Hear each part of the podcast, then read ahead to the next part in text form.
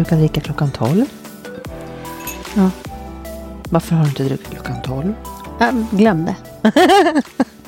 Det var en sån där glömdag du Ja, med. det var en sån där, nej men det var så här, um, jag orkade inte sätta på nytt kaffe helt enkelt. Nej. Och så var jag så himla trött idag. Jag var mm. jättetrött.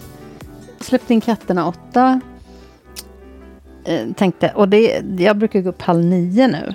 Mm. Så bara, ja, nej. Alltså, då brukar jag lägga mig i sängen och ta te och läsa nyheter. Mm. Typ Facebook, Insta.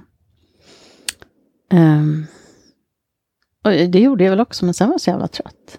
Så Mm. jag bara, nej, jag måste sova. Mm. Jag kan ju. Så du somnade om? Ja. Ja. Vaknade vid en halv tolv. Wow. Fantastiskt. Men då förstår jag att kaffet är nu. Ja. Första koppen kaffe i våran nya soffa. Precis. I våran studio. Den är ju väldigt, jag tycker den är skön. Den är jätteskön. Du kan liksom, Nu kan vi sitta på ett annat sätt när vi tittar på varandra. Mm, alltså, man kan så, sätta upp fötterna. ja, det här är ju jätteskön. ja. Den är liksom, Terapisoffan. ja. ja, det är det det. Och vad är det man lyssnar på nu? Jo, man lyssnar på Enkepodden.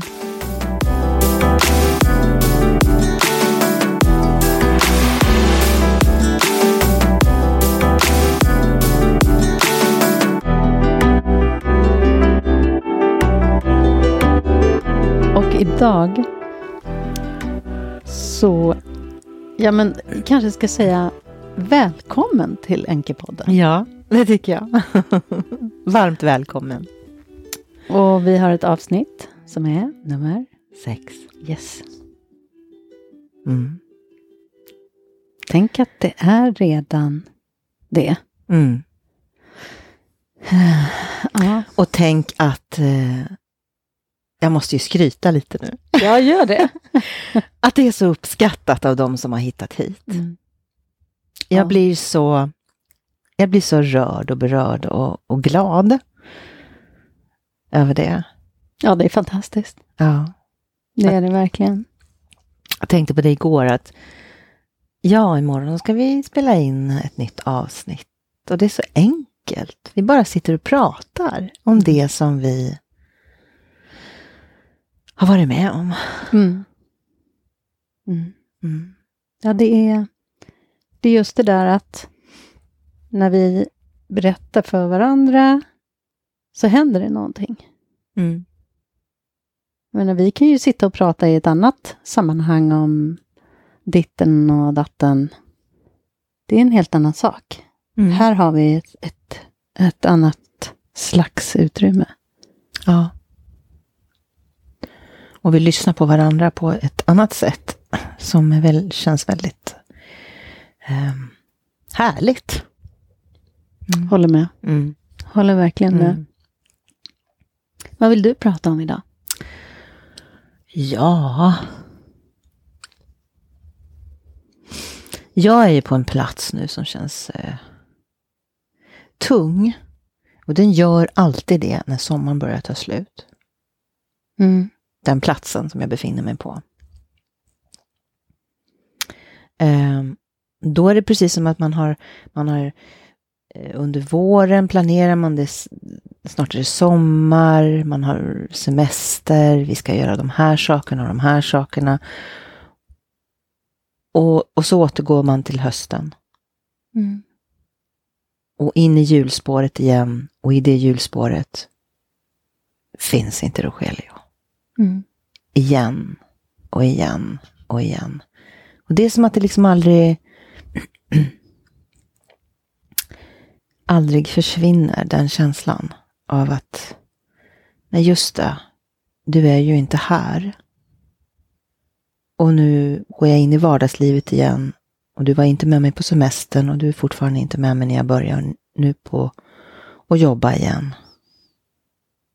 Och hjulspåret liksom ja, det låter tungt, men, men jag hamnar där. Sen brukar det gå över efter ett tag. Mm. Mm. Ja, jag förstår. Men jag, jag känner ju inga sådana hjulspår. Jag känner inte av dem. Nej. Um, för jag har ju liksom inga hjulspår på det sättet att gå tillbaka i eller, ram, eller liksom följa eftersom mitt liv har blivit så annorlunda. Mm. För jag har ju tänkt på det här med situationen som jag och många andra hamnar i när ens livskamrat dör. Du tänker på den, den faktiska fysiska situationen? Ja, Mm. precis. Så att jag nu sitter i en situation där jag måste ha ett jobb. Ett nytt jobb. Jag menar, jag har varit frilans i väldigt många år. Mm. Eller både jag och Mats var ju frilans. Även om jag har jobbat fast de senaste, eh, vad är det, tre åren så, ja, så blev jag ju arbetslös på grund av att de, de drog ner och det var pandemi, pandemi och Mm. ja, det var ju omorganisation liksom. Och då fick jag gå. Och nu måste jag ha ett jobb med väldigt bra månadslön för att jag och våran dotter ska kunna bo kvar. Ja. Det är liksom, vi har ju tagit, eller har ett lån baserat på två inkomster. Mm. Och nu säger banken, ja men du måste ha så här mycket Mm. i lön om vi ska kunna acceptera att bara du tar över lånen. Mm. Och jag vet att jag inte är ensam om att hamna i den här situationen.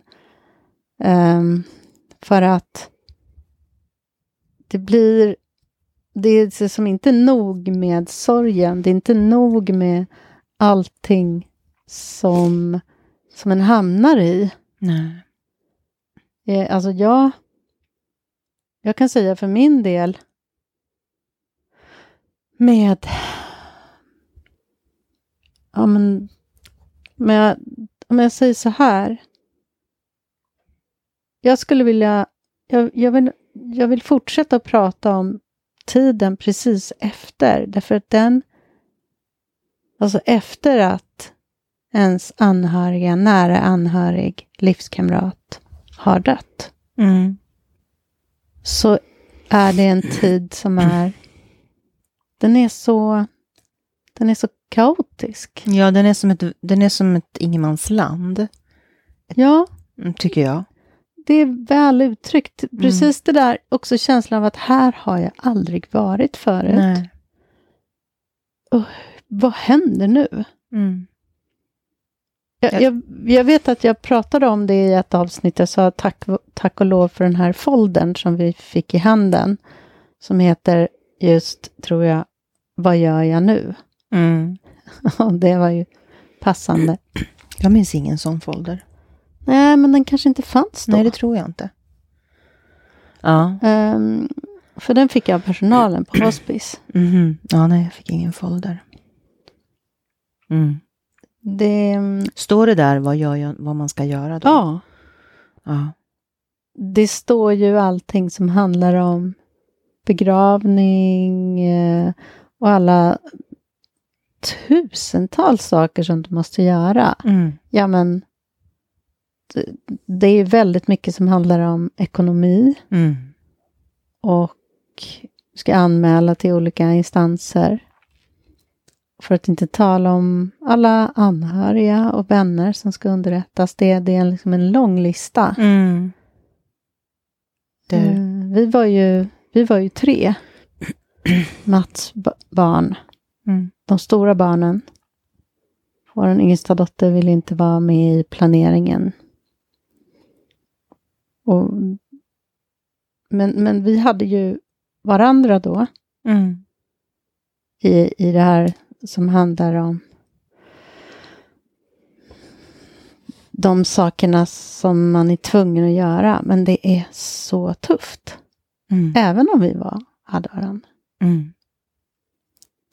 Det är nästan som att man skulle behöva en, en person som går in och hjälper. Mm. Eh, Det är inte det första man tänker på. Jag har för mig att jag, eftersom men jag eh, var så borta i mitt huvud och inte minns så mycket, men jag känner att jag har för mig att eh, du hjälpte mig väldigt mycket. Mm. Och eh, en väninna som heter Maggan. Med just de här sakerna, för att jag hade ju ingen koll på någonting. Nej. Sen så planerade jag nog ganska själv begravningen. Förutom att du och Mats var inblandade i minnesstunden efteråt. Ja, men det har jag också för mig. Det var så. Mm. Eller hyllningen som vi sa i förra Ja. avsnittet. Ja. men, men det är ju extremt mycket praktiska saker som man ska ha i huvudet. Och försöka få ordning på. Som, som är eh, ovanpå det då att, att behöva tänka att man ska behöva kanske lämna sitt hem. Det är så fruktansvärt. Det är för mycket. Det är för mycket. Jag hade ju åtminstone... Eller jag... Det var faktiskt så här för mig att jag var ju så oklar i huvudet och så borta. Så, så att fördrö- det blev en fördröjning i bouppteckningen. Ehm, och eh, det här med att jag var så borta är ju någonting som jag också tog upp i tidigare avsnitt eh, som hänger ihop med att jag var ganska nyförlöst. Mm. Ehm, så att jag hade liksom ludd i huvudet. Mm. Så det blev ju ludd på ludd då kan man säga. Superludd. Superluddet. Det var bara ett enda stort moln. Jag vet inte, och jag landade väl ganska mjukt i det där ett tag. Mm. Eftersom jag blev kvar liksom i åtminstone fem år i huset. Mm. Och bouppteckningen försköts. Ah.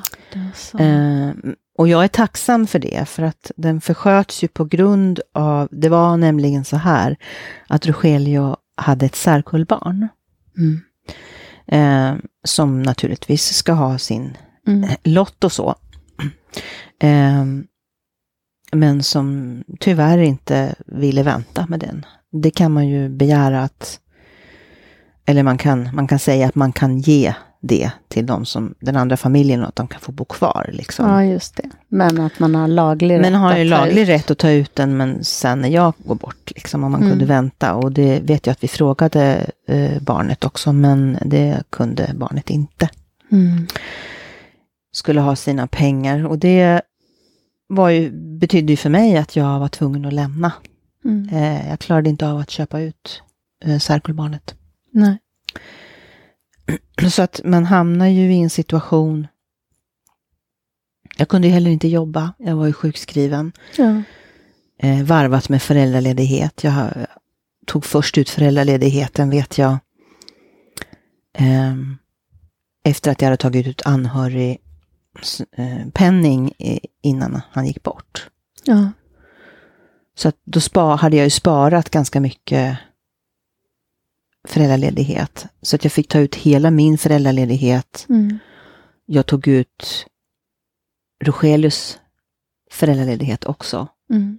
Och sen var det ju så att jag började studera, just det, det var därför, det var dit jag ville komma. Eh, det var därför det drog ut på tiden med, som jag förstod det då, eh, med bouppteckningen, för att jag kunde inte göra klart allting med bank och bouppteckning när jag var arbets, eller när jag var studerande. Nähä. Var det så? De, på, de, på, de ville inte göra det då. Utan måste vänta tills jag, för jag hade ju också en anställning som låg och väntade på mig. Ja, det var så. Mm.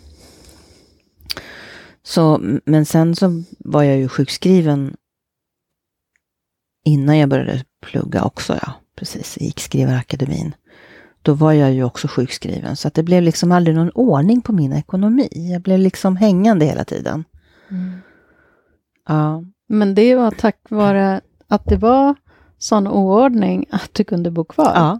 För att det är ju, ja men som i min situation, så är det ju i, i december i år, det är sista möjligheten att omförhandla lånet, då har det gått drygt ett år. Eh, Men jag gjorde ju, vi gjorde ju bouppteckningen. Mm. Mm, Det kan vara därför som det, för det kom aldrig någon fråga till mig om att omförhandla ett lån och sådana där saker. För att bouppteckningen inte var klar. Jag kan tänka mig att det blev så Just förskjutet. Du har ju gjort klart allting som man naturligtvis ska göra. Eh, så därför blev det nog väldigt annorlunda. ja, för mig. det. Men jag längtar ju ibland tillbaka till, till det hemmet. Mm. Eh, just för att jag saknar själva huset och hur fint vi hade det. Mm. Och att det skulle vara så bra för Matilda att få ha ett lite större liksom sådär. Mm. Ehm, ja, Så du tvingades helt enkelt att flytta? mm, så var det. Ja, den situationen skulle jag ju kunna hamna i. Mm, Jag och vår dotter. mm, Om inte jag lyckas få ett, ett välbetalt jobb innan december. Nu har ju jag gett mig tusan på det, men eh, det är verkligen en stor utmaning eftersom eh, jag blir inte ens kallad till intervju trots all min arbetslivserfarenhet. Nej. Eh, för att jag är 60. Ja. Så det är ju liksom... Men jag har ju bestämt mig för att inte tänka på det sättet. Utan att bara ge mig fan på att jag Mm. ska klara det. För din egen skull. För min egen skull, Mm. ja. Mm. Och för vår dotter, för jag tror inte att det är så himla bra att hon blir... Att, att, att vi flyttar nu, helt enkelt. Nej. Och dessutom så måste jag ha ett jobb för att överhuvudtaget kunna bli godkänd av en Mm. hyresvärd eller bostadsrättsförening. Det, det är liksom... Men vet du, jag undrar varför vi har det här sättet att i samhället alltså, varför det blir på det här sättet. För det, för det, det heter ju omställningspension. Och du har ett år på dig att ställa om dig. Jag hade 12 år på mig av den enkla anledningen att jag hade en nyfödd. Okej. Så jag kunde få omställningspensionen ända fram till Matilda var 12 år. Jag har inte hört talas om det namnet. Nej, det heter omställningspension. För, det, det, för mig står det änkepension. Gör det? För mig det. Nu blir jag osäker. Omställningspension hette det när jag, när jag kollade då. Ah, okay. Att man ska ställa om. För jag vet att jag, jag hade en, en, en, inte en diskussion, men jag ställde frågan faktiskt på anhörigriksdagens eh, dag i Varberg för några år sedan när jag var där med min, med Med min, bok? Med min bok, Ja. Utan dina andetag. Då var ju Pensionsmyndigheten där också. Det var ju mycket, många anhöriga där. Liksom. Mm. Och för, jag har ju inte träffat någon ny. Mm. Och, och när, jag träff, när jag pratade med Pensionsmyndighetens företrädare på plats där, så var, visste jag ju att om ett år så kommer min, min pension att försvinna. Mm. Liksom. Och då behöver jag flytta igen. Då kunde jag inte bo kvar i, i Evlinge som jag flyttade till heller, för då, då skulle jag inte ha råd. Nej. Det är anledningen, största anledningen till att jag ehm, flyttar igen. Mm. An- För att det var ju nästan 6 000 kronor som bara hoff, borta så. Ah. Det gjorde ju att jag kunde bo där jag önskade bo. Ja. Men på något vis så är det i vårt system eller samhälle att man är, när man är änka så man blir så lämnad på ett sätt. Ja. Åt.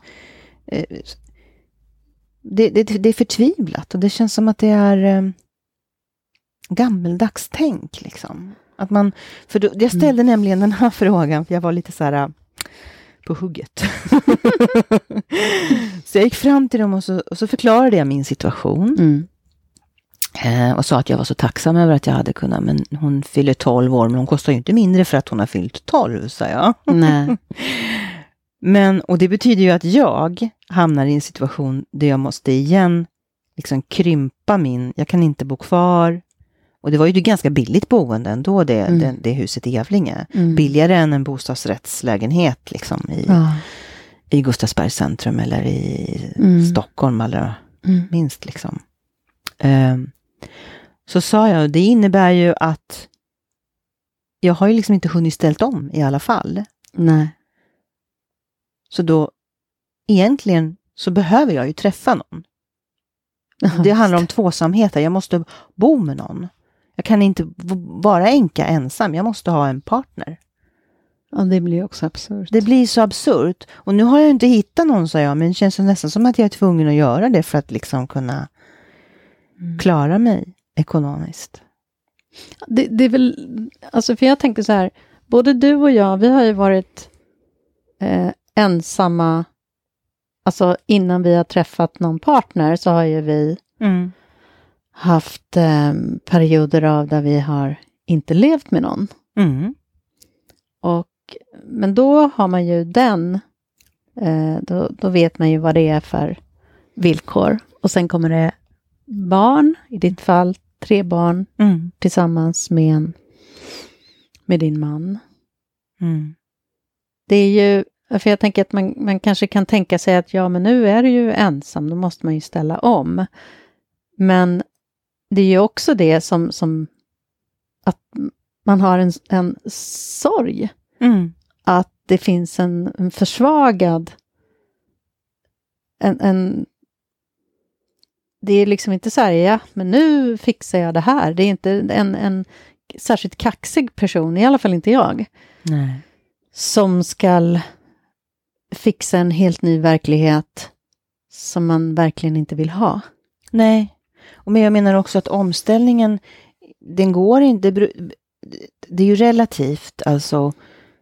Det går ju inte att ställa om på ett år och allra minst för ett barn som blir utan sin ena förälder. Nej, precis för barnet Ja, också. Ska ja. den tvingas att Mm. flytta, alltså den blir av med sin Mm. ena förälder och så tvingas man att flytta också. Mm. Det är den ekvationen Mm. som blir så jävla fel. Den blir jättefel. Matilda längtar ju väldigt mycket kvar eh, tillbaka till eh, Öspedalen där vi bodde.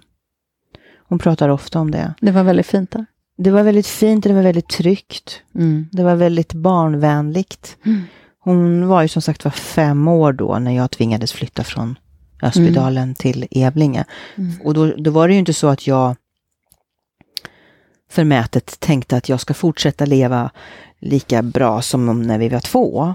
Utan jag köpte ju ett, ett billigare boende, även om det var ett hus, längre ut på landet, Mm. billigare liksom. Ja.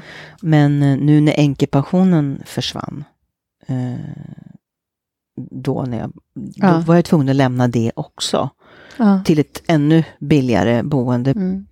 Och för Matilda, ja, hon, eh, hon kämpar på. Mm. Då är det ju jättehärligt för dem som naturligtvis inte har en sån situation, men jag vet. Jag pratade senast med min granne som eh, han hade förlorat sin pappa. Han är ju vuxen, men han sa att han var förtvivlad för att hans mamma nu tvingas flytta för att Mm. hon då var, hade varit hemmafru med barnen mycket. Hon hade ju sen jobbat halvtid, så här klassiskt kvinnofälla. Fällan, ja. Ehm, och, eh, och pappan hade tjänat väldigt mycket pengar. Mm. Ver, verkligen bra. Men det var han som stod på, alla, på kontraktet, på huset, det var han som stod på banklån, det var han som stod på allting. Oj då. Så vad som händer det är att hon, det, det är inget, det är liksom, Hon har ingenting. hon har, nej, väldigt lite. Och eh, inte en chans att bo kvar. Jag vet inte om hon är i 70-80 års åldern. Alltså, det är så grymt. Mm.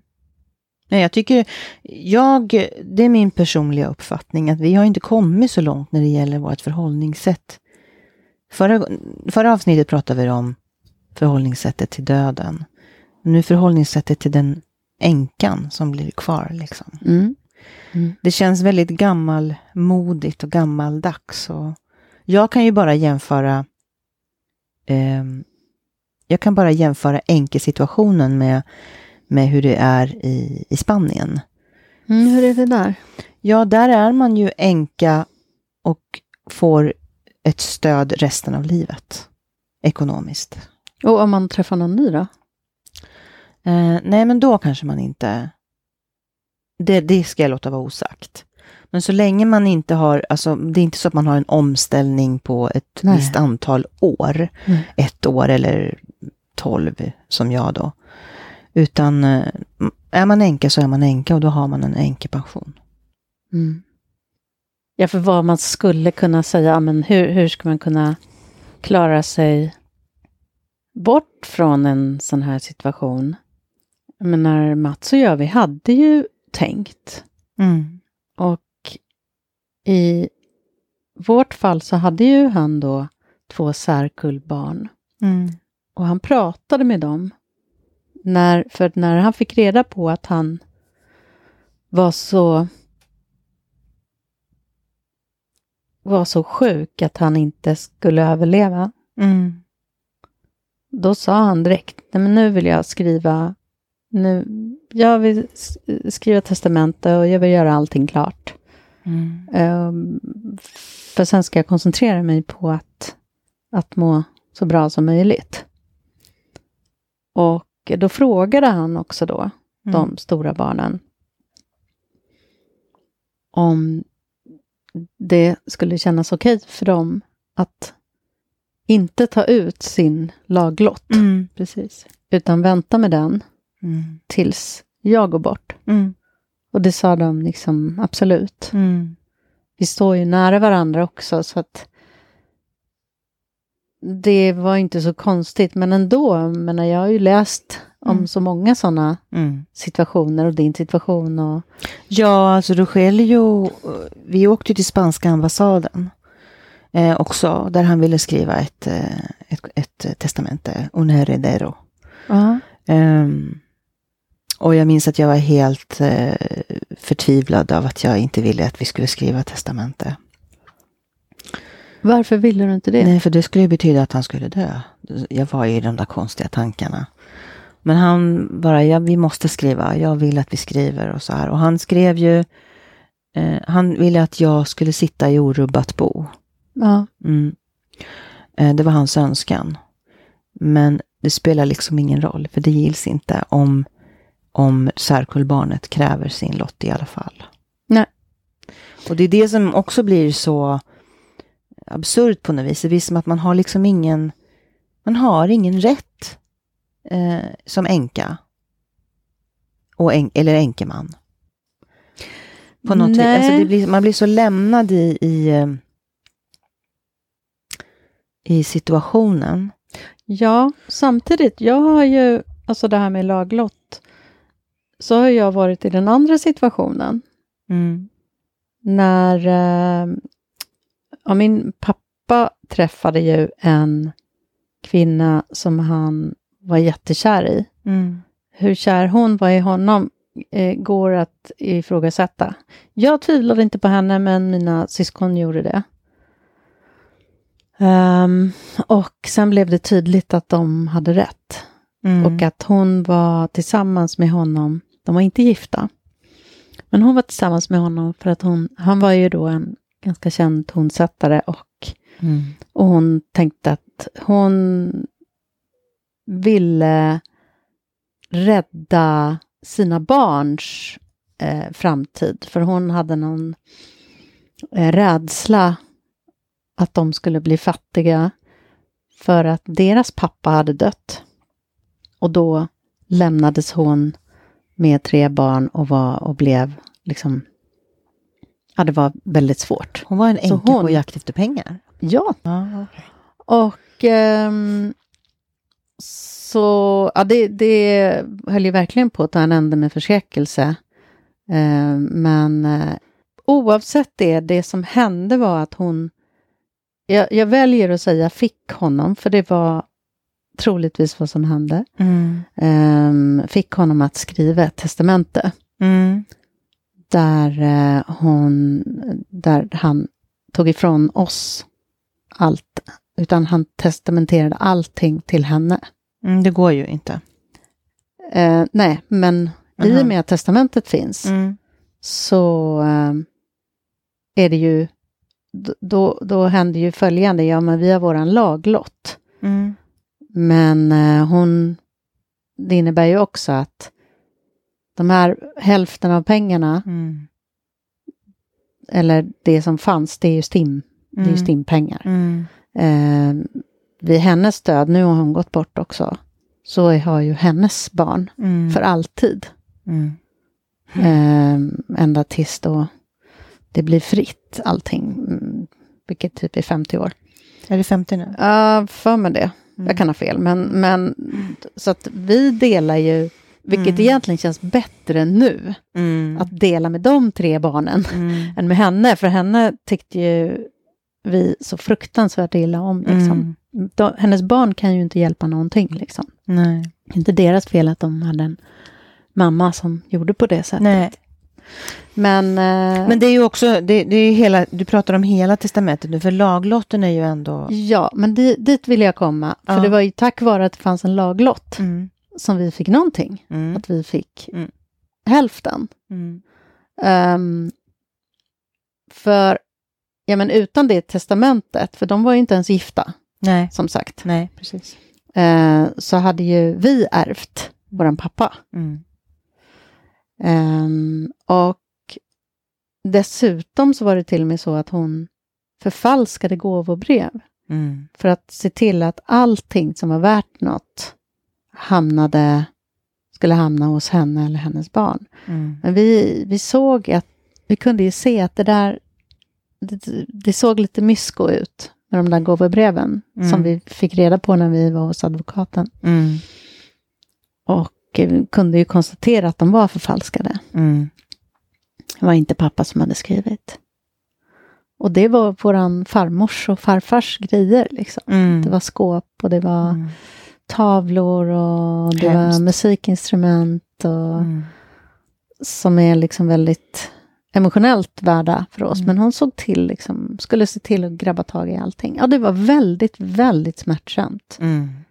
Att inte liksom ha respekt för, som hon hade i sin tur, hon hade ingen som helst respekt för oss barn. Nej. Utan var bara helt blind Mm. på att rädda sina egna barn. Mm. Ehm, det, så så då, då kan jag liksom förstå den andra sidan. Jag tycker att det är bra att det finns en laglig, en laglott. Ja, det, absolut. Det är klart att det ska finnas det. Jag tänker bara att eh, den inte behöver vara förbehållet. Eh, att, eh, eller snarare att det borde vara förbehållet att eh, laglotten tillfaller när den andra parten också har gått bort. Mm. Mm. Om inte den andra parten. Alltså att, att Mm. makten mer ligger hos den änkan som blir kvar. Mm. Eller Mm. änkemannen. Mm. Um, Okej, hade jag det jättegott ställt så skulle jag som Anette säga nej, men du får ta din laglott. Jag kan bo kvar här ändå. Mm. Men om jag inte kan det Mm. och jag ber, snälla, Mm. eh, vänta tills jag går bort så, så får du, din, du får dina pengar, men inte nu. Liksom. Mm. Jag har en baby och två barn, Ja. tonåringar att försörja och vi vill inte gärna lämna vårt hem som vi har bott i Mm. i 18 år. Mm. det blir så det blir så på sin spets och det blir det blir den som är lämnad kvar, änkan, som blir den som får stå liksom Mm. där. Mm, ja, men jag, jag, jag både håller med och inte. För det handlar ju också om om man inte har någon relation till om man, till den här personen som ens pappa har gift sig med. Mm. Om man tycker jätteilla om den familjen och liksom då är det ju, tar ju allting slut för den personen med att ens pappa eller mamma dör. Ja. Då är det liksom finito. Mm. Men å andra sidan så, så är, lever ju den personen i en familjerelation. Ja, nej men jag, ja, jag diskuterar med mig själv. Ehm, jag är nog benägen att hålla med om att, att det borde vara så. Men ehm, Det känns ju lite märkligt att man... eh, Så här, man är gift kan jag tycka. Ja, om man gör Men ett om man testament. inte är gift. Ja, nej precis. Nej, då är det någonting annat. Men om man är gift och den som avliders högsta önskan är min fru ska sitta i ett orubbat bo. Och, och skriver in det i ett testamente. Att det borde respekteras. inte det. det Nej, det- orubbat bo finns ju inte längre. Uttrycket finns inte längre. Vilket då? Orubbat bo. Det Nej, finns inte kanske inte- längre. Men nej. Det, det gjorde det då, Ja. för, för eh, Ja. 15 år sedan. ja. Ja, det existerar inte. Nej. Och det var ju för att, eh, för att Rogelio ville att jag skulle kunna bo kvar med barnen. Precis. Så att jag inte behövde flytta. Ja, någonstans där blir det ju väldigt skevt. För det blir det här, ja men det som jag Mm. upplever nu att, Mm. ja men det är tack och lov att båda de stora barnen sa Mm. ja Mm. till att vänta till jag går bort Mm. eh, med att ta ut sin laglott. Mm. Sen får ju de liksom massa saker ändå, vad de vill liksom efter, efter sin pappa. Ja, precis. Eh, när de orkar och vill hämta saker. Mm. Eh, men att eh, utan att de hade sagt ja, då hade jag ju varit tvungen att flytta redan nu. Mm. Eh, nu handlar det ju mer om att bank eller hyresvärdar eller bostadsrättsförening, de, eller framförallt är det ju banken Mm. som, som ska... Ja, de, de, de, det är inga dåliga pengar jag måste tjäna. Jag har aldrig tjänat så mycket pengar som de kräver. Man ska vara en vd på ett stort företag. För Inte riktigt, men fan inte långt efter. Nej. Så... Mm, det är tufft. Mm. Någonting är skevt. Någonting är skevt, ja. Mm. Som jag sa där till pensionsmyndigheterna, Mm. de representanterna där. Ja. Så att egentligen i kontentan av det hela är att jag behöver träffa en, en, en partner för att jag ska kunna Mm. fortsätta leva liksom, Mm. och försörja mina barn. Och, och i princip för mig då också, att jag skulle Mm.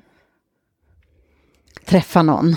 Eller Ja. att jag får någon som eh, går in och eh, hjälper mig med... eh, Mm. Vad heter det när man är, går i god... Nej, man Eh, Du menar borgen, Borgenär, borgenär? liksom, eller något sånt där. Mm. Mm. Men jag har inga, jag har inga rika släktingar. Nej. Nej. Ja, så den, det, det önskar jag att jag hade sluppit Mm. att tänka på nu. Men jag vet att jag var ganska snabb med att få reda på vad var det som gällde eftersom jag hade fått höra, eller förstod att det var som, det var du som berättade eller någon, men det hade inte gått mer än tre månader när jag sa att jag vill ha ett möte med banken. För jag sa att jag vill veta vad som gäller. Mm. Jag tror vi pratade om det. Och Ja. Mm. Och, då, och han tyckte ju att jag var där alldeles för tidigt. Nej, vad då för tidigt? Jag måste ju veta vad som gäller. Vilk, vad har jag framför mig? Vad, vad, måste jag, Mm. vad måste jag göra? Mm. Och han, det kändes nästan som han skämdes själv över Mm. hur banken räknade. Mm. Och att det inte finns någon som Mm. helst hänsyn till. Nej, nej det, det, alltså jag, jag, tycker han, jag tycker han är jättefin den här Mm. som jag har på banken. Men eh, han, han sa liksom, ja, det är så här det ser ut tyvärr. Och det är så här du måste tjäna för att banken ska kunna godta det lån du har. Mm.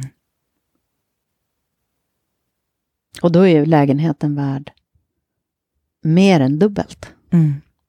Men det spelar liksom ingen roll, utan de måste ha... Det spelar ingen roll att jag aldrig har missat en enda betalning. Nej, eller liksom att... eh, Ja. Och det är ju tack vare änkepension Mm. att jag klarar mig. Mm. Annars hade jag inte klarat mig.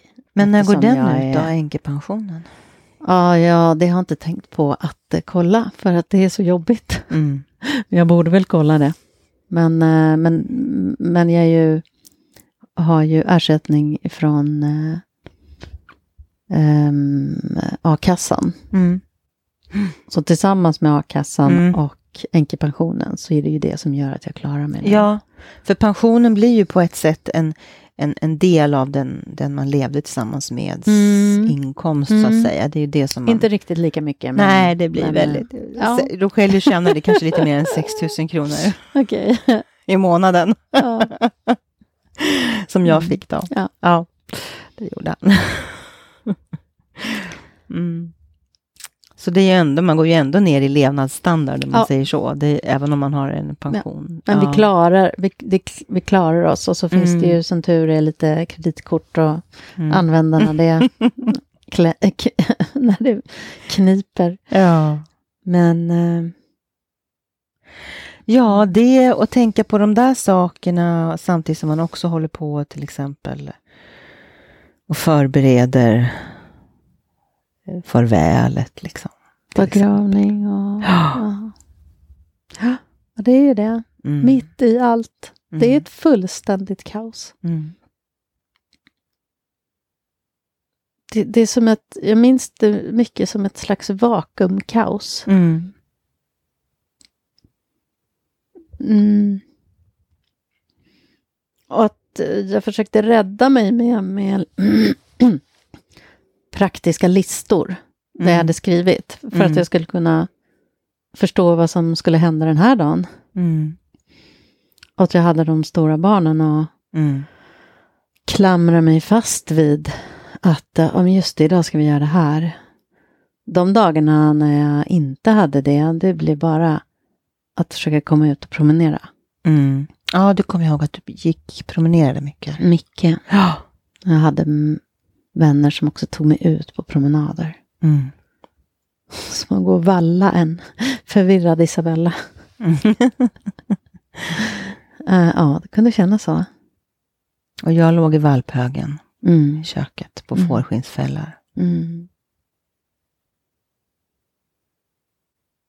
Äh, Så du hamnade i, i en, en kris. Alltså det, det sk- skulle vi nästan kunna ha en så här, en, en um, krismänniska som kom in och, och hjälpte just vid sådana här situationer. Mm. Men att man ska slippa fylla i 40 sidor dokumentation innan man får den där krishjälpen. För det, det orkas ju inte. Nej. Jag minns inte att jag fyllde i en endaste blankett, men jag gjorde ju inte det heller. Det blev förskjutet alltihopa. Ja, nej men de blanketter vi behövde skriva i, de vet jag att jag också hjälpte dig med och Maggan. Ja. Jo, men det, Och så jo, kunde du skriva på bara. Med bouppteckningen, ja. Jag vet inte vad det var Jo, mer, det var nog Vi lite annat gjorde, vi också. gjorde bo... Var, Vi, vi skrev ner allting. Vi gjorde, vi räknade ut allting. Just Men jag var, gick aldrig till, någon, till någon advokat och ordnade upp det. Nej, för det var ju det vi såg på de här papperna. Jag kommer Ja. ihåg, för du sa när, när jag skulle göra så sa du, du kan få en kopia på mina papper. Ja. För där står det hur, man, hur, hur jag tänkte. Mm. Och så fick jag den kopian och så plötsligt så känner jag igen min egen handstil. ja, just det. Jag trodde det var min mammas. Men det är min, det är ju jag som har skrivit den. Ja, det- vad, vad, vad makabert egentligen. alltså jag hade ju faktiskt helt glömt det. Ja. Jag bara, va? Mm. Jo, men vi gjorde ju, vi gjorde ju klart alltihopa det där. Och sen tror jag att vi...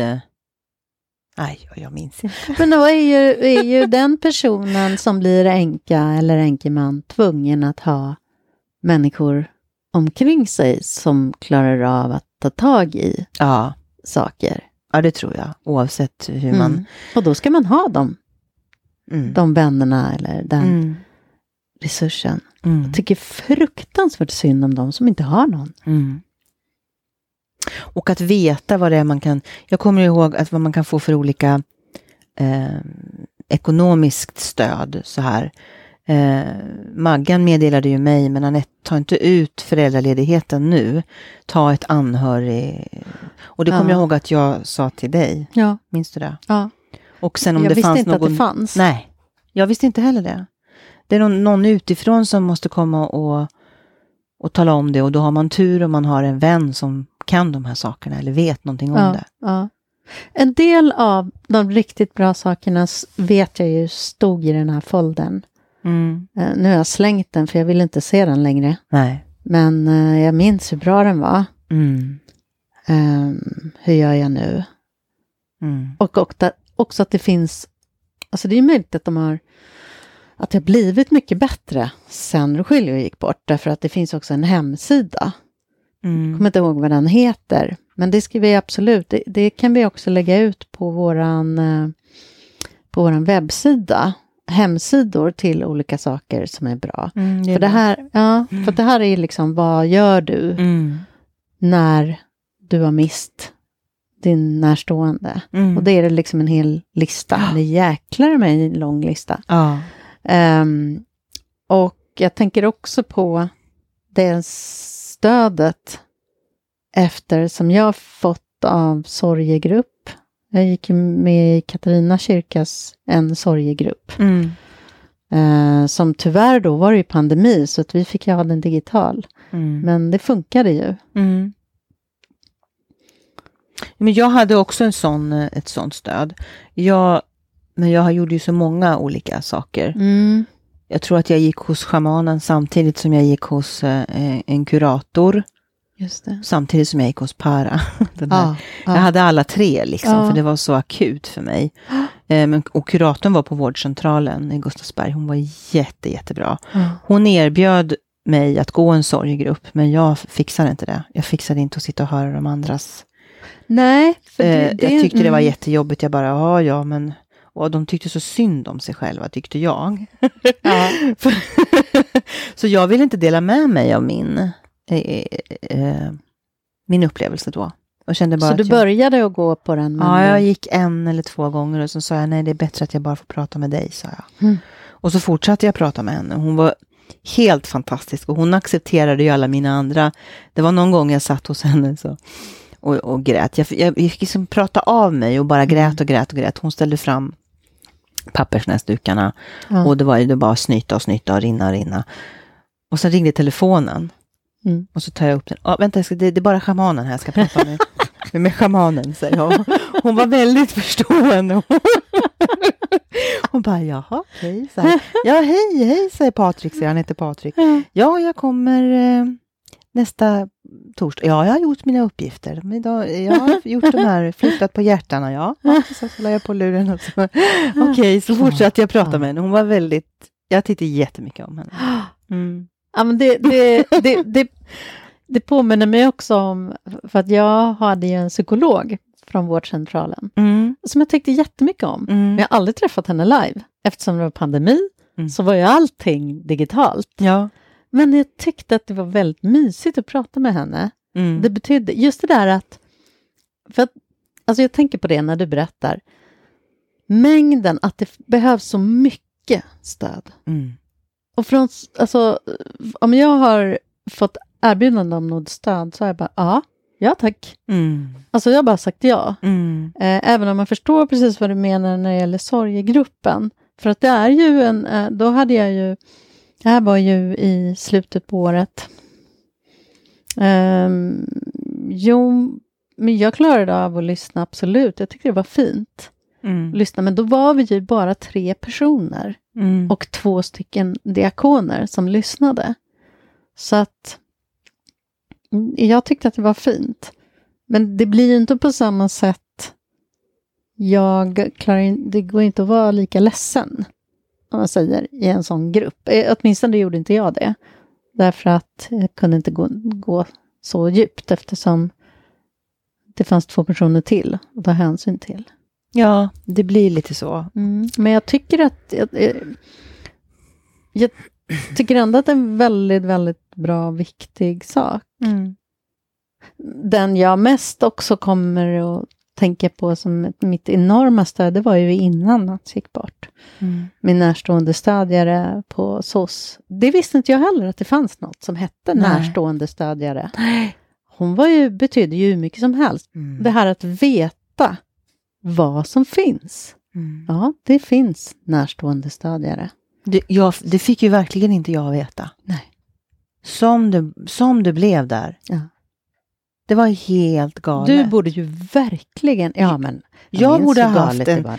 Jag borde ha haft en närstående stödjare. Mm. Istället så blev jag anmäld till SOS Mm. när Rogelio var som sjukast för att jag inte kunde ta hand om min baby. Mm. Det var min mamma som blandade in Värmdö kommun i det hela. Okej, var det så? Ja, hon ringde dem för hon såg att jag behövde mycket mer stöd än vad, vad hon klarade av att ge mig. Ja. Eh, jag behövde i princip dygnet runt. Mm. För Rogelio var ju som sagt var hemma. Mm. Eh, jag hade två tonåringar och en baby. Mm. Och eh, ja, du och andra, ni jobbade ju liksom, Maggan jobbade och så, Ja. så att jag var ju liksom ensam. Ja. Och det här var väl framför allt under hela sommaren där så var jag ju ganska mycket ensam med allting. Mm. Eh, det var en väninna som hette Kristina vet jag som kom en gång badade Matilda i en badbalja på altanen och sådär. Så jag kunde ta hand om Rogelio. Mm. Men, men min mamma var ju inte där så ofta som jag skulle ha önskat. Mm. Ehm, men så hon ringde ju i alla fall till kommunen och då satte de in eh, någon som skulle liksom hjälpa till med det praktiska. Mm. Så att tömma diskmaskinen, dammsuga, för det såg ut som hej kom och hjälp mig i Mm. huset. Jag, det var ju Mm. in, jag tror inte jag städade på någon, en, en, en, Det var väl inte det vi fokuserade på heller när vi Nej. var där, utan det var ju bara att ta hand om Matilda. Ja, ja, precis. När ni, Ja. var- Nej, exakt. Det var ju bara att ta hand om Matilda, så att jag kunde vara med Rogelio. Mm. Absolut. Och, och hunden. Lite diskade vet jag att vi gjorde. Ja, och ibland lagade ni lite mat också. Ja. Ja, det var ju liksom det. Ja. Eh, men så då satte de in hemtjänst Mm. till mig. Mm. Men hemtjänsten har ju förhållningsregler och timangivelser hur länge de kan vara på en plats och vad de kan göra. Mm. Vad som får ingå i vad de får göra. Och då var det bara en timme. Och då var det in och ut med grejerna och snabbt och sen iväg. Och det blev ju liksom ingenting, det blev ju bara pannkaka, det blev bara värre. Och saker gick sönder och de rev ner något draperi. Och jag bara, men det här går inte, jag måste ju ha någon som hjälper mig.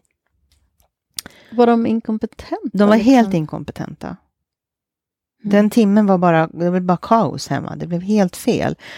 Och då så sa de att, då pratade jag med kommunen och sa det här går inte. De kommer hit och de, jag behöver ju hjälp liksom under dagarna. Mm. Jag behöver ju stöd och hjälp. Jag har min baby, jag, har liksom, jag, jag får inte ihop det här. Så då hit, så hittade de någon lösning, sa de att de hade hittat. Jo, men vi har en tjej som skulle kunna vara hos dig på dagarna och ta hand om allt det här praktiska. Som hade varit ambulanssjuksköterska, tror jag, tidigare. Men det är väl jättebra, sa jag. Du får träffa henne så får du känna hur det känns och sådär. Ja, hon kom till mig och vi fikade. Jag tyckte hon var jättetrevlig. Mm. Bara, Åh, vad bra! Så här. ja. Så hon var hos mig en vecka. Och hon ville egentligen vara med Matilda. Mm. Så hon började, jag fattade ju ingenting av det där. Men jag kan ta Matilda och så kan vi gå ut och gå. Och jag bara, nej men det behövs inte. Eller jaha, kan du? Eh, så ja, då kunde jag vara med Rogelio liksom. ja.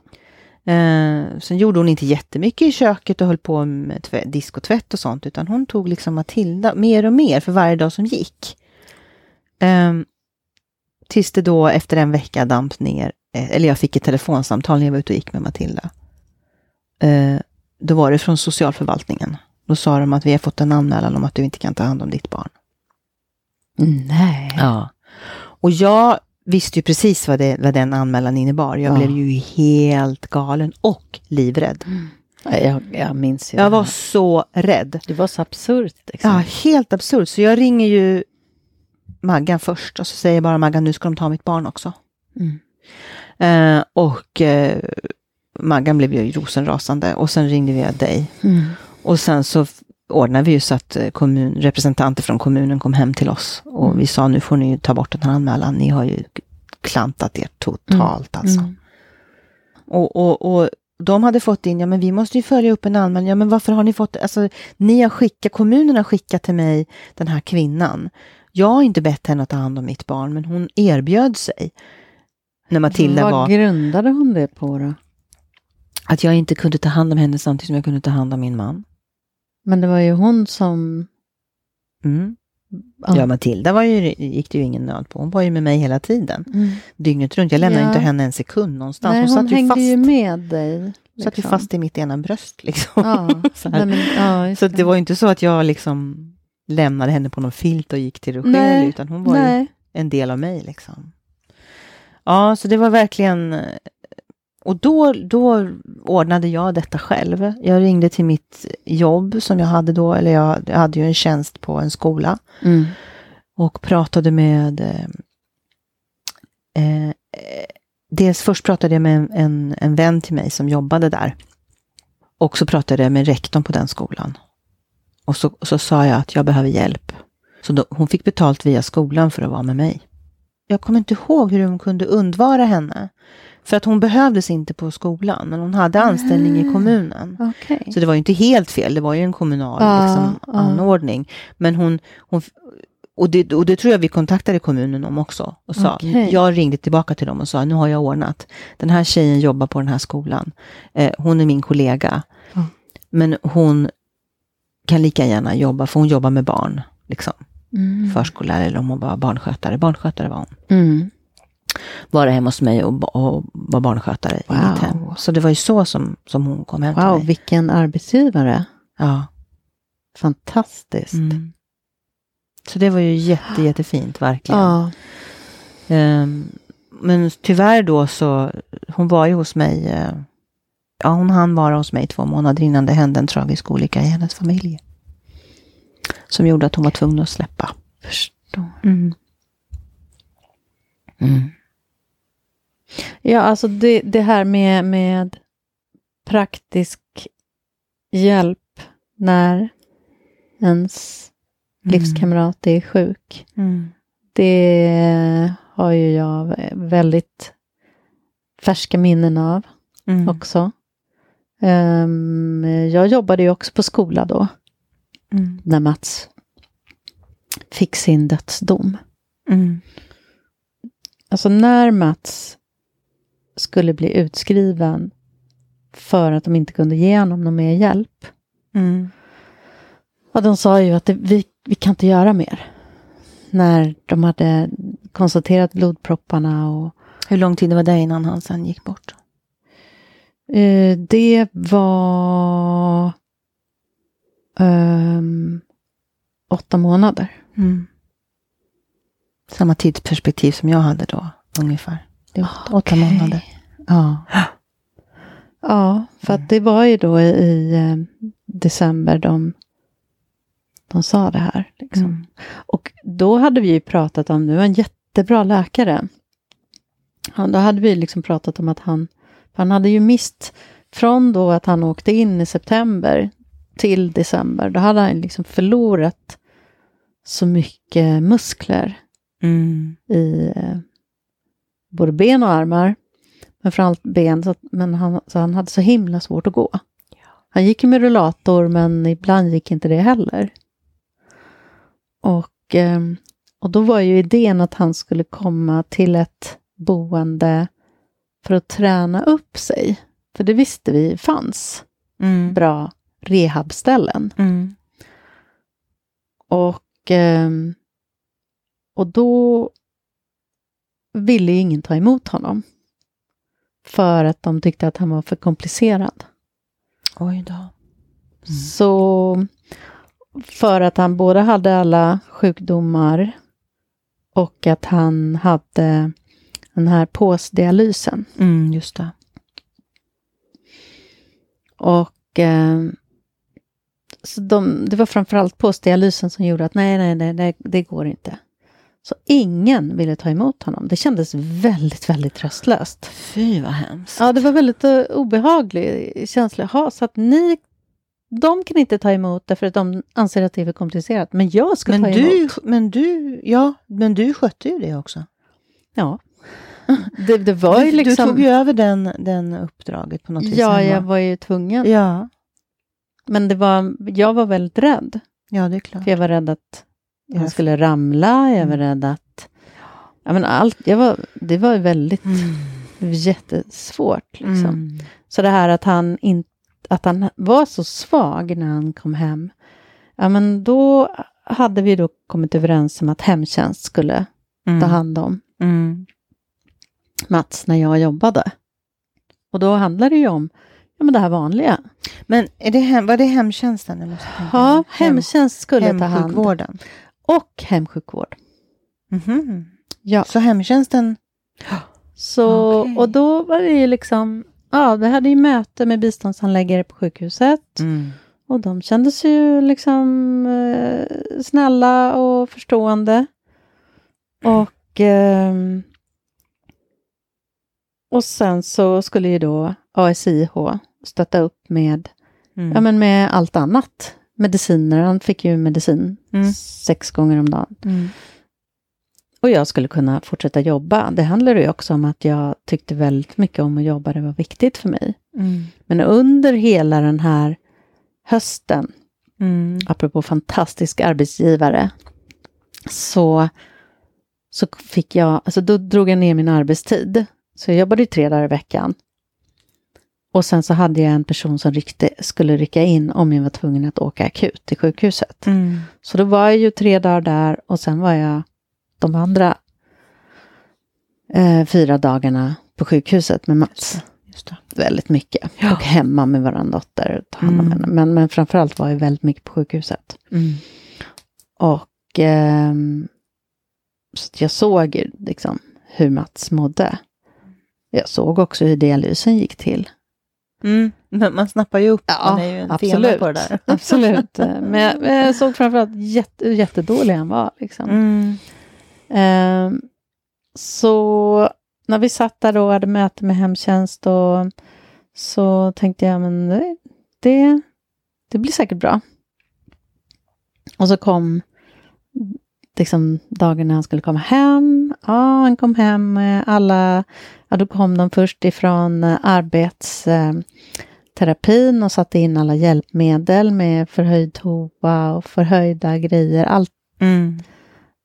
man höjde liksom allting. Säng, soffa, fåtölj, ja men allt. Mm. Så det var ju fantastiskt.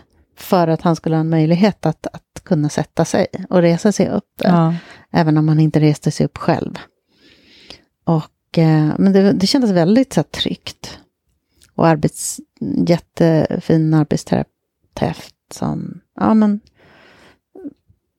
gav förslag och, Mm. och sådana saker. Mm.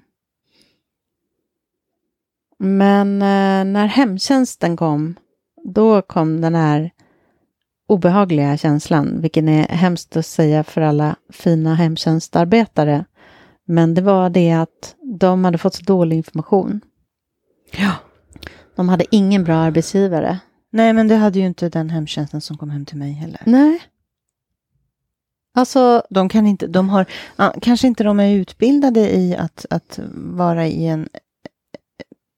För det är ju på sätt och vis palliativ vård, alltså det handlar ju om människor i livets slutskede. ja, det har att du de liksom väldigt... har ingen aning om det, de, de bara får runt och, och det resulterade i att jag till slut, eh, för de pengar jag hade kvar då, eh, anlitade en, en städerska. ja, som kunde göra de här sysslorna. Och hon var helt fantastisk. ja, Hon hette Marie Sol. det kommer jag ihåg. Mm. Hon pratade spanska och jag var så glad för att Rogelio kunde förstå henne och han var också jätteglad. Så hon, hon skötte ju den rulliansen sen. När jag, mm. Ja. Jo, för det, det var ju... Ja, nej, jag, jag minns det här som en mardröm alltså. Mm. Eh, jag minns de här personerna som kom. Det här var ju under jullovet, så det var ju också många som kom in extra. Mm. Och, och som sagt, jättedålig information hade de ju fått. Och, och jag var ju så himla orolig att de skulle få tag i Mats slang på magen Ja. och rycka till för att Ja. den var exakt samma eh, material på den eh, skärpet som han Ja. hade runt magen för att hålla uppe den här slangen som en kalsongrand. Mhm. Mm. Så att det var Ja. väldigt lätt gjort att man bara sliter tag i den och då är det ju, ja men då kanske jag är akut sjukhus direkt liksom. Så att jag var Stoppade du dem då? otroligt, nej men jag fick ju liksom lära upp alla som kom, för det var ju olika hela tiden. Mm. Och han behövde ju gå på toa flera gånger om dagen. Mm. Så att de kom och jag skulle lära upp dem. Mm. Det fanns ju ingen annan som lärde upp dem. Nej. Och, och vad som skulle gälla. Och efter liksom två dagar då hade jag fan panik. Jag förstår. Jag var, och, och Mats mådde skitdåligt av att de, Men det var då du de var ju beslutade- snälla liksom. Ja. Det var ju, men, men de, och de kunde ju inte, de där, var, var är blippen? Vad då för blipp? Ja, men då skulle de blippa på någonting. Ja, vi har inte fått någon blipp. Och ja, men var det inte här? Och de kom på fel tider och det var, alltså det Mm. var, jag, jag, jag kände att det var mer stress Mm. att de kom än, än, än, Mm. än att de inte var där. Så till slut så ringde jag bara liksom så att det här går inte, det här Nej. går inte. Ni måste ha en person som är Mm. ansvarig. Mm. Och jag vet inte, jag kanske redan har nämnt det här.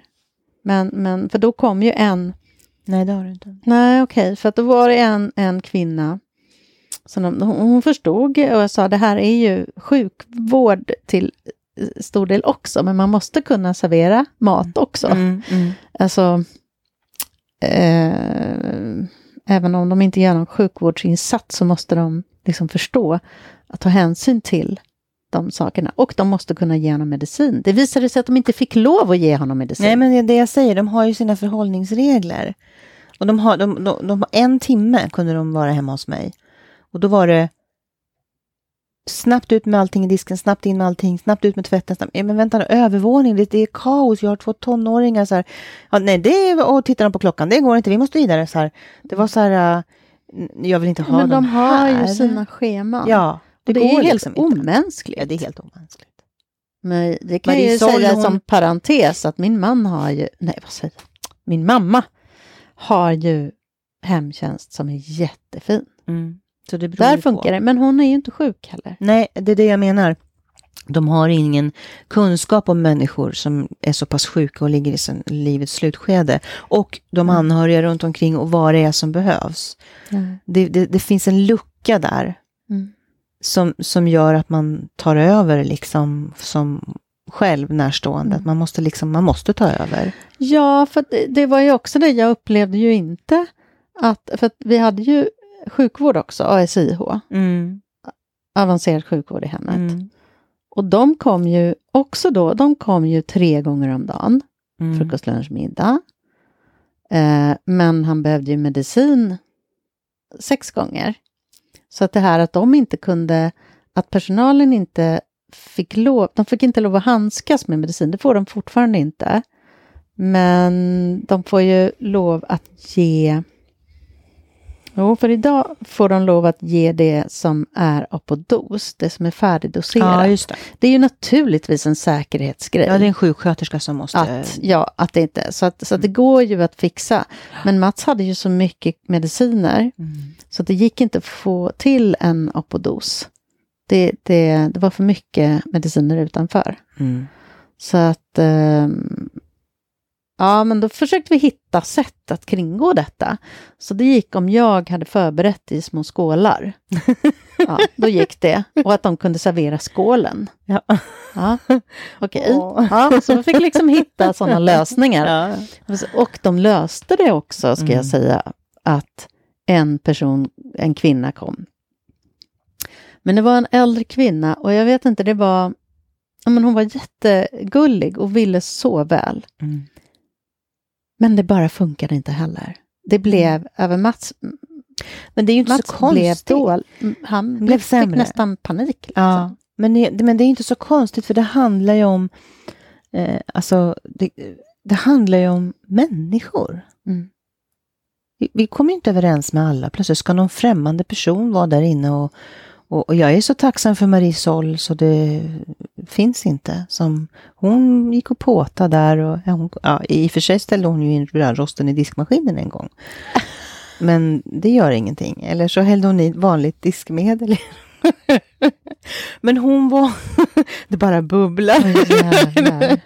Men det gjorde ingenting därför att hon, hon hade inte den här tidspressen.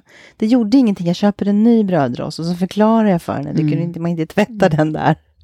Och sen, men hon städade och hon höll på. Och liksom, det här andra, de andra som var hemma hos mig, det var ju som robotar liksom. Mm. Som bara Ja. får runt och energin i hemmet blev helt galen liksom. Vänta nu, min man är ju jättesjuk, det här går inte. Så här, det blir verkligen... Och det är precis, ja, ja, vi, var ju, vi var ju tvungna också att göra en sån lösning. Ja. Så vi tog kontakt med ett, ett eh, separat städbolag. Ja. Där det kom samma tjej, Mm. underbar tjej, Mm. Mm. som just hade sån hänsyn Mm. och förstod och var inte pressad. De de hade lagt lång tid liksom. Mm. Mm. Så hon var ju hos oss i, i tre och en halv timme tror jag. Mm. Och då kunde hon, okej nu har Mats dialys där. Och Mm. då, ja det här var ju den tiden när jag hade eh, beslutat mig för att vara hemma. Mm. Eftersom ja, men, jag avgjorde att den, just det här är Mats sista tid i livet. Det är Ja. våran sista tid i livet tillsammans. Ja, och, och ingenting funkar med hemtjänsten. Hur, Nej. hur väl de än vill göra det Nej. så funkar det bara inte. Det är inte uppbyggt på ett sånt Nej, och det var... Det, det, Mm. det blev bara fel hela tiden med Mm. olika sakerna. Och, eh, och det blev även ju tokigt med ASIH ett tag Mm. också. Mm. Så att det var ju Mm. till slut när jag var hemma och då fick jag ju närstående penning. Men det var ju en, en sån otroligt mycket skötsel. Ja, Så att det, det som jag till slut kom fram till tillsammans med Mats, det var ju någonting som vi inte fick. Och det var ju personlig assistans. mm. Då är det ju två, med eventuellt tre personer som, som är nära i hemmet Mm. och som är som, ett, som är som en anhörig. Mm. Och som har hela förståelsen för, för sjukdom, för palliativ vård, för att ta fram, alltså vara Ja, men- utan stress. ja. För det är ju det, den här fruktansvärda stressen. Ja, men det, och det är både för den som är sjuk, men även för den som är hemma och, och sköter. Och då Men det var det ju meningen att jag situation. skulle kunna frigöras. Mm. Precis. Och så det var ju verkligen att vi, vi sökte ju det. Mm. Vi sökte ju det två gånger. Ni fick inte det. Nej, första gången sa de bara nej. Och det var sen som jag fick tipset av en kompis kompis att det fanns em, ett ställe. Hospice.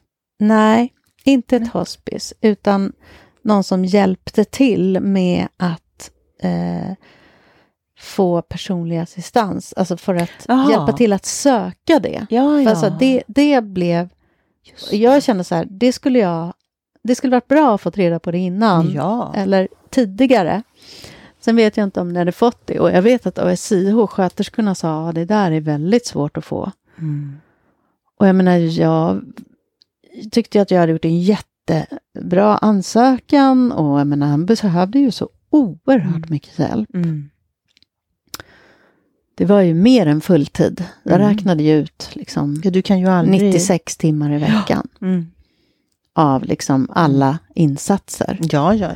Och, ehm, och, de, och ändå sa Försäkringskassan nej. Mm.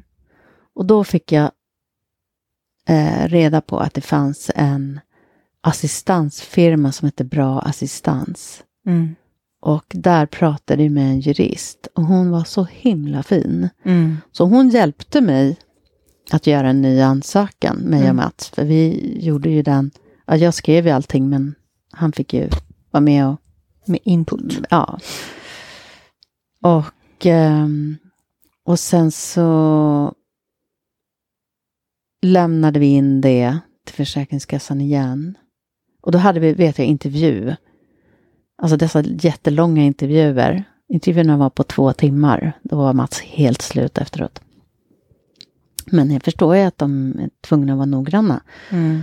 Och det här, då var vi på Gräddö, där vi hade hyrt två veckor. Mm.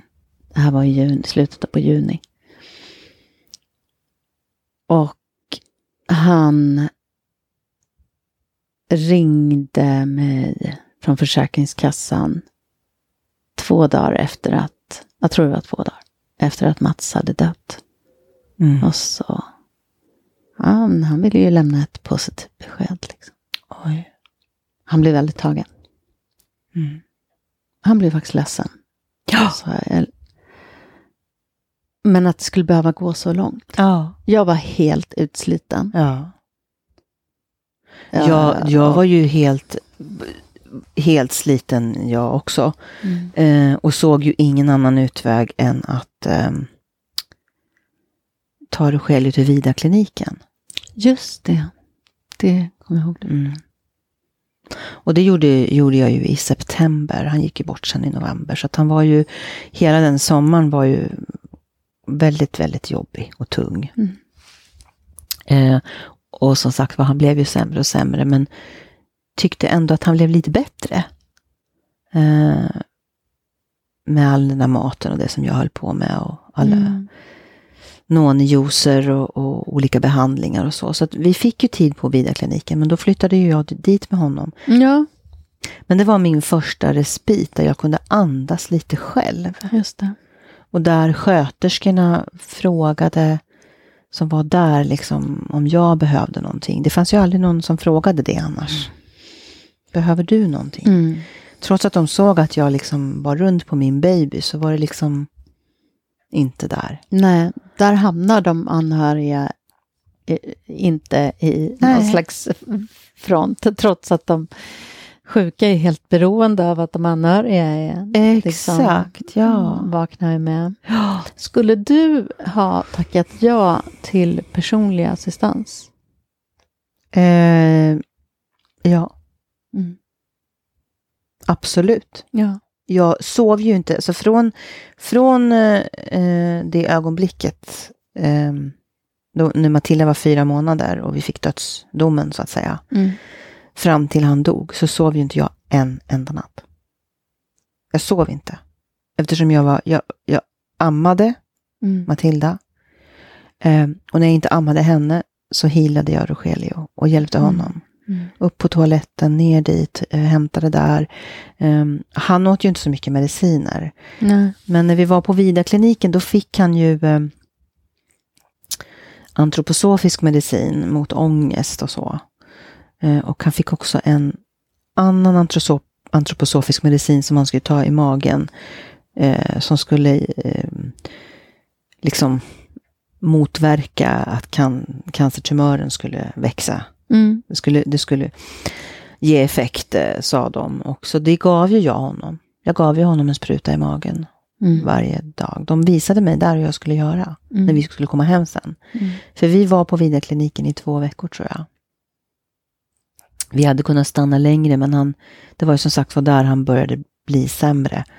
Fast jag trodde han skulle bli bättre. För att Ja. jag kunde vila och han kunde vila. Och det var bra mat. Och liksom. det, ni blev omhändertagna. Vi blev omhändertagna. Och jag sov i hans rum. Först sov jag i en egen stuga. En bit ifrån. Eh, Men sen kän- kände jag att jag ville sova inne hos honom i Mm. hans rum. Han hade ett fint rum och kristaller i taket som hängde ner i trådar. Så, här. Mm, så jag bara, åh nu är vi på rätt plats. Om man är padme om. Så här. ja, och sen, så Matilda och jag sov ju där. Och de stora barnen kom ju hälsa på på helgerna. Mm. Men eh, jag minns att Oliver sa när han kom och hälsade på. Eh, för de bodde hos kompisar, jag hade placerat dem. Det första Oliver sa när han kom in på Vidarkliniken, det var Mamma, här vill jag inte vara. Det luktar Okej. död, sa han. Mm. Och jag, jag bara nej, jag, nej, så gör det ju inte. Men, men efter, efter, inne på andra veckan där så vet jag att det var en man som gick bort i rummet bredvid Rogelio. Mm. Som var bekant till en gammal vän som jag träffade där faktiskt. Från min skådespelartid. Mhm. Han satt i matsalen där, det var hans bästa vän som låg inför döden i princip. Mm. Jag pratade rätt mycket med, med honom och hans och mannen, den, sjuk, den mannens, avlidne mannens fru. Liksom. Mm, Sådär, pratade rätt mycket med dem. Men jag kände ju när jag gick ner på morgnarna i matsalen och det var ju, de var ju väldigt sjuka de som var där. Det var ju liksom egentligen palliativ vård Mm. också. Mm. Så eh, inne på andra veckan där så kände jag att eh, när han hade gått bort och de eldade ut rummet med rökelse Mm. efteråt. eh, så kände jag att nej, det här är dödens väntrum. Jag kan inte vara kvar här. Mm. Vi kan inte vara kvar här. Då åkte vi hem igen. Okej. Vad tyckte Rogelio? Ja, han, ville, han, han, han behövde också komma därifrån för att göra en, en, eh, den här operationen som jag sen var med på. Ja. För att han hade börjat bli gul. Okej. Mm. Mm. Jag såg ju inte det då, men nu vet jag ju att han, Mm. levern började liksom lägga av.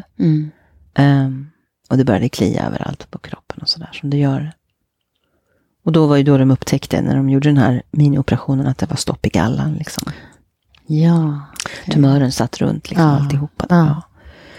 Ehm, och så hade den blivit större. Så att, Mm. Och det var ju slutet av, så då, då, var det, då var det ju en månad eh, drygt som mm, ni var hos mig då. Innan han gick bort. Fyra Mm. veckor, fyra, fem Mm. veckor. Mm. Som vi hade det här. eh, Ni var ofta hos mig. Ja, just det. Mm. Mm. Mm. Eller hos oss. Mm. Ja. Jag tänker igen på det här med personlig assistans. Att, eh, att det ska vara så himla svårt att få. Mm. Och en massa människor lider eh, i både sina jobb som hemtjänstutförare och blir dåligt behandlade av sin arbetsgivare. Ehm, jag menar, nu har jag haft jättemycket kontakt med min mammas hemtjänst och Mm. De allra flesta är ju jättefina. Men naturligtvis så, liksom en, en, en arbets... Eh, vad heter den? Ett arbete där, där de hela tiden tvingas att titta på klockan Mm. varje minut. Det är naturligtvis inte värdigt. Nej. Och där de måste skynda som tokar. Ja. Liksom. Och ändå, nu har ju min mamma fått jättemycket bra tid. Liksom. Mm. Men hon är ju, nu är hon demenssjuk. Hon upplever ju sig själv ensam. Mm. Eh, för hon kommer inte ihåg att någon har varit där. Men de är ju hos henne Mm. fyra gånger om dagen. Mm. Plus mina syskon. Liksom. Eh, men att vad skulle hända om hon hade någon som är där lite längre tid? Mm. Alltså, jag tänker att vad att vi skulle, och, och, och som för oss, om vi hade haft personlig assistans, alltså mera avlastning som är Ja, en, alltså. en kontinuitet där någon inte håller på att stressa ihjäl sig. Ja, Utan men- att liksom är i en längre tid och Mm. blir, det, det är ju det, det är ju otroligt viktigt. Ja, men jag hade ju kunnat bli galen. Alltså på riktigt eftersom jag inte sov. Mm. Och jag hade en baby och jag hade två tonåringar. Mm. Det var, vem tog hand om tonåringarna? Jag inte kunde jag göra det. Nej. Men det var ju ingen som gjorde det. De var ju lämnade vind för våg. Mm. Jag, vet att, jag vet att Mats pratade 12 och 15 var de ju. Så det var, Ah. Den minsta var ju, Alma var ju inte ens tonåring. Så att det, det, det är ju en, egentligen en helt galen situation att ingen kunde hjälpa mig i det läget. Ja. Utav vårt socialförsäkringssystem som vi Ja, har i ja. vårt trygga land. Ja, Eh, för att de visste ju om Ja. min situation. Nej, men det, det, är ju, det är galet. Då hade man behövt ta den minsta. Ja. Då hade jag blivit galen. Ja. Då hade man behövt ta de andra två barnen också. Istället för att det ska kunna komma in någon som Ja. liksom hjälper till. Mm. Eh, nu är personlig assistans det enda jag kan komma på, men det är ju en person som Mm. hjälper till. Mm. Eh, och som inte har eh, strid på kniven vilken tid Mm. den ska gå. Liksom. Nej, precis. Ehm, det vore verkligen en, en samhällsinsats. Mm. Och så tänker jag också på det här när Mats var så svårt sjuk första gången. Och när jag verkligen sökte hjälp för våran yngsta dotter som var åtta år. Mm. Att få någon hjälp att prata. Det, det var ju väldigt lång tid det gick innan jag hittade en person. Alltså att det fanns på vårdcentralen. Mm. Det tog lång tid. Det var Mm. ingen som tipsade mig. Jag googlade och googlade och ringde och Mm. och höll på liksom. innan någon sa, ah, men har du kollat med vårdcentralen? Nej, det hade jag inte. Men där kunde hon få hjälp en viss tid. Hjälp som kanske inte var jätteviktig, men någonstans tror jag att den kan ha betytt någonting. Ja, mina Eh. barn fick ju ingen. Nej. Jag försökte ju Nej. under allt. Du försökte hitta hjälp? Den från- hjälpen de fick faktiskt som räddade dem tror jag, det var eh, att en av mina, hon som var och hjälpte mig via mitt, mitt jobb så att säga, Mm. hennes man jobbade i kyrkan. Ah. Så han tog ju barn, de stora barnen, alltså Oliver och Alma då, till eh, kyrkan. Och där fick de ett sammanhang och eh, där fick de ro och frid och vara liksom i en grupp av ung- andra ungdomar och de blev omhändertagna. Han körde ju dem dit. Wow. Mm. Det var ju en räddning, men sen efteråt fanns det ju inte så mycket hjälp att få. Mm.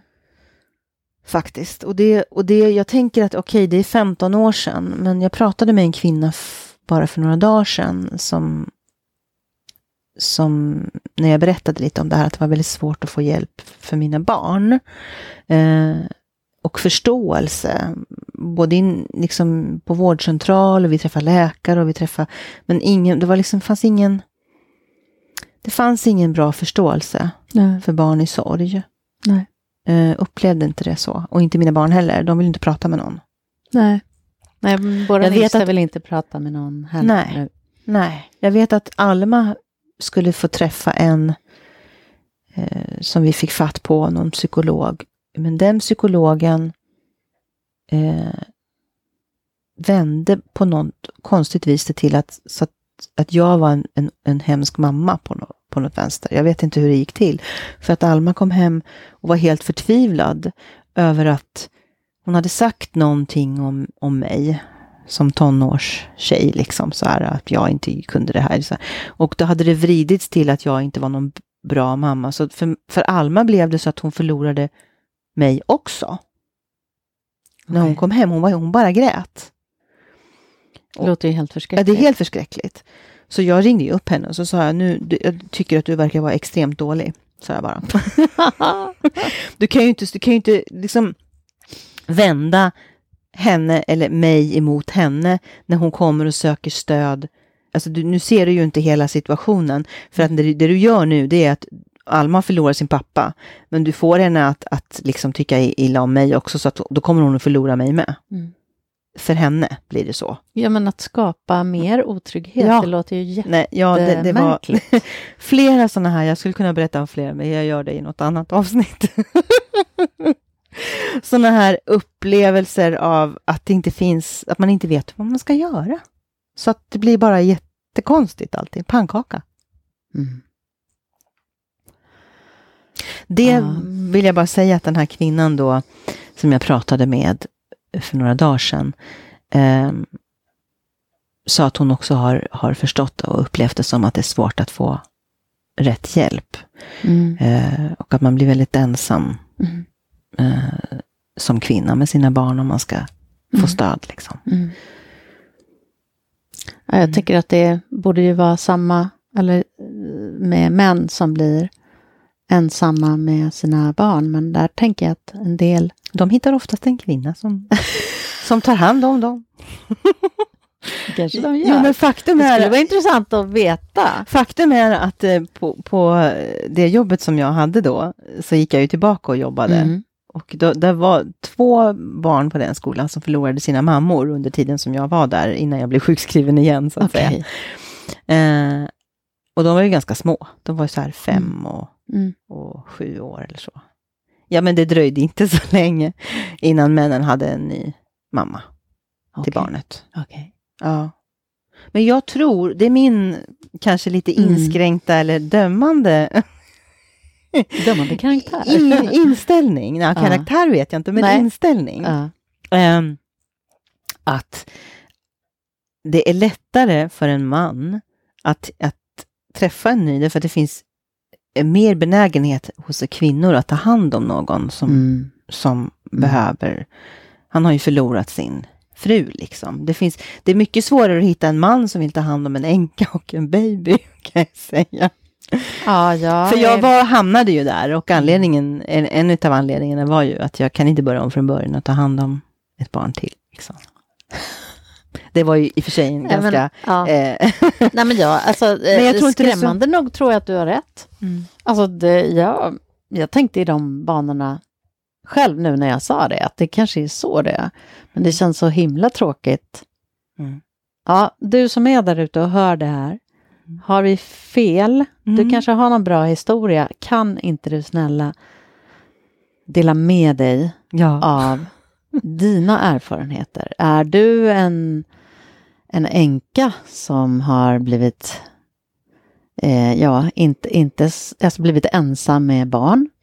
Och eh, har du snabbt blivit eh, attraktiv för alla män som vill ta hand om dig och dina barn? Eller är det, eller är det inte så?